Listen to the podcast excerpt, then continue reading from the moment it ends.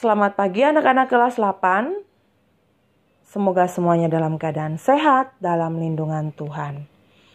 Hari ini hari Senin tanggal 24 Agustus tahun 2020 kita belajar bahasa Indonesia mengidentifikasi informasi dan menyimpulkan isi iklan, slogan, dan poster. Iklan, slogan, dan poster selalu memuat informasi tertentu.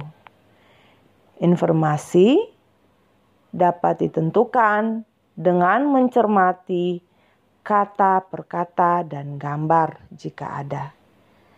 Anak-anak sudah tentu tidak asing lagi bukan dengan iklan, slogan atau poster. Di mana-mana kita mendengar, membaca, iklan, slogan, poster. Dan pasti anak-anak sendiri juga udah bisa membuat iklan, slogan, dan poster. Ya, Miss Julie yakin anak-anak semuanya bisa. Oke, perhatikan kalimat slogan berikut. Satu pohon, selamatkan bumi. Diulang lagi ya. Satu pohon, selamatkan bumi. Slogan tersebut berisi informasi berupa imbauan untuk menanam pohon dan peduli terhadap lingkungan. Informasi tambahan berupa hasil jika kita menanam pohon, yaitu kita dapat menjaga bumi.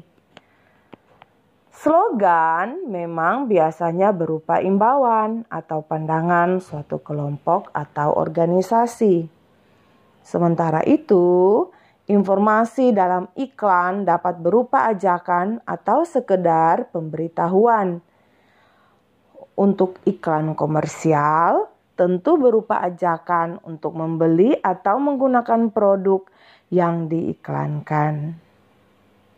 Informasi tambahan dapat berupa keunggulan atau spesifikasi dari produk. Adapun untuk iklan layanan masyarakat, informasinya berupa pemberitahuan atau imbauan. Berbeda lagi halnya dengan poster.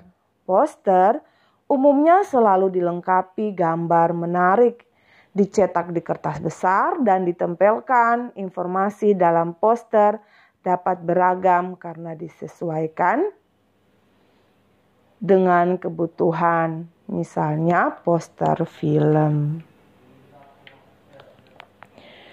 Menyimpulkan isi iklan, slogan, dan poster. Jika sudah dapat mengidentifikasi informasi iklan, slogan, atau poster, kita dapat menyimpulkan isinya. Sebagai contoh, iklan berupa imbauan dapat disimpulkan, ditujukan untuk kepentingan orang banyak, dan sifatnya penting serta bermanfaat. Pada intinya, iklan, slogan, dan poster adalah bentuk penyampaian informasi menggunakan bahasa singkat. Ya, diulang lagi, pada intinya, iklan, slogan, dan poster adalah bentuk penyampaian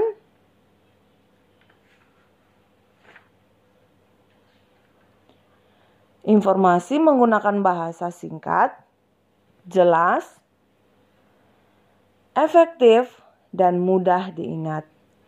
Ketiganya memiliki tujuan yang lebih kurang sama, yaitu, diulang ya, ketiganya memiliki tujuan yang lebih kurang sama, yaitu mengajak atau mempengaruhi orang lain.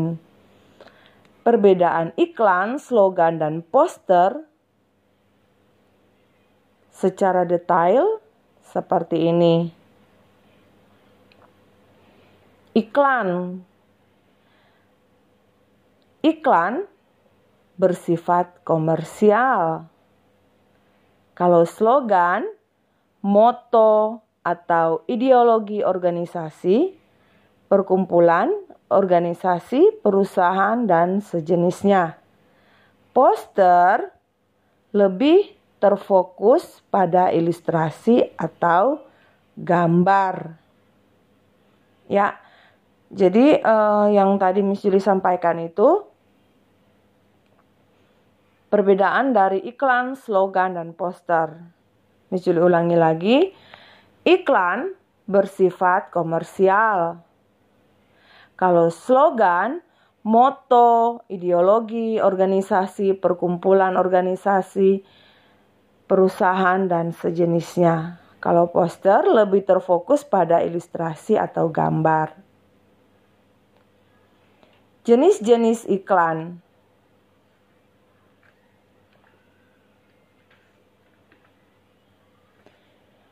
Jenis iklan terbagi menjadi iklan niaga dan non niaga atau iklan layanan masyarakat. Iklan niaga berarti iklan yang menawarkan produk tertentu, baik barang maupun jasa. Sementara iklan non niaga atau iklan layanan masyarakat merupakan iklan yang bertujuan mempengaruhi iklan yang bertujuan memengaruhi masyarakat untuk menyetujui atau mendukung aspek yang diiklankan tersebut.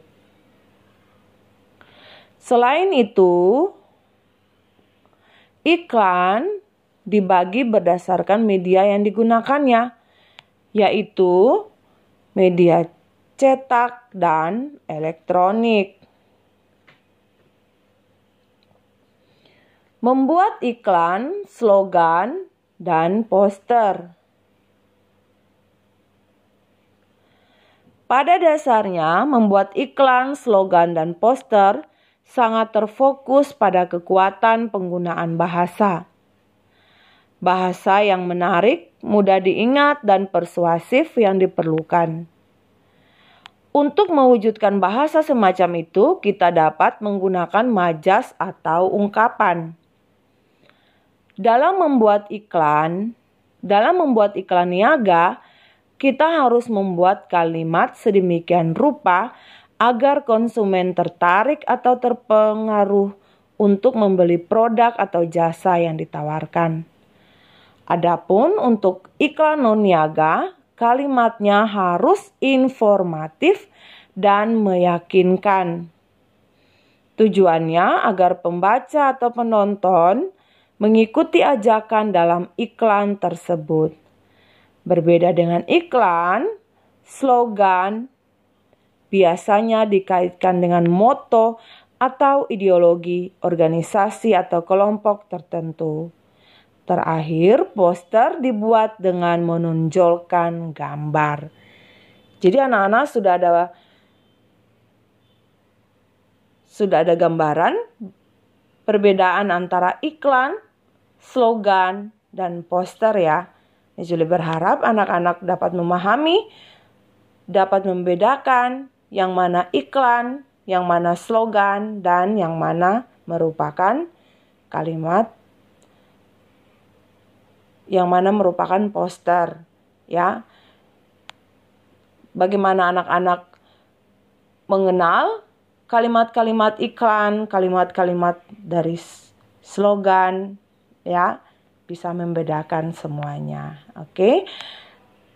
Jangan lupa mengerjakan tugas di Google Classroom. Ya, sekian pelajaran hari ini. Terima kasih.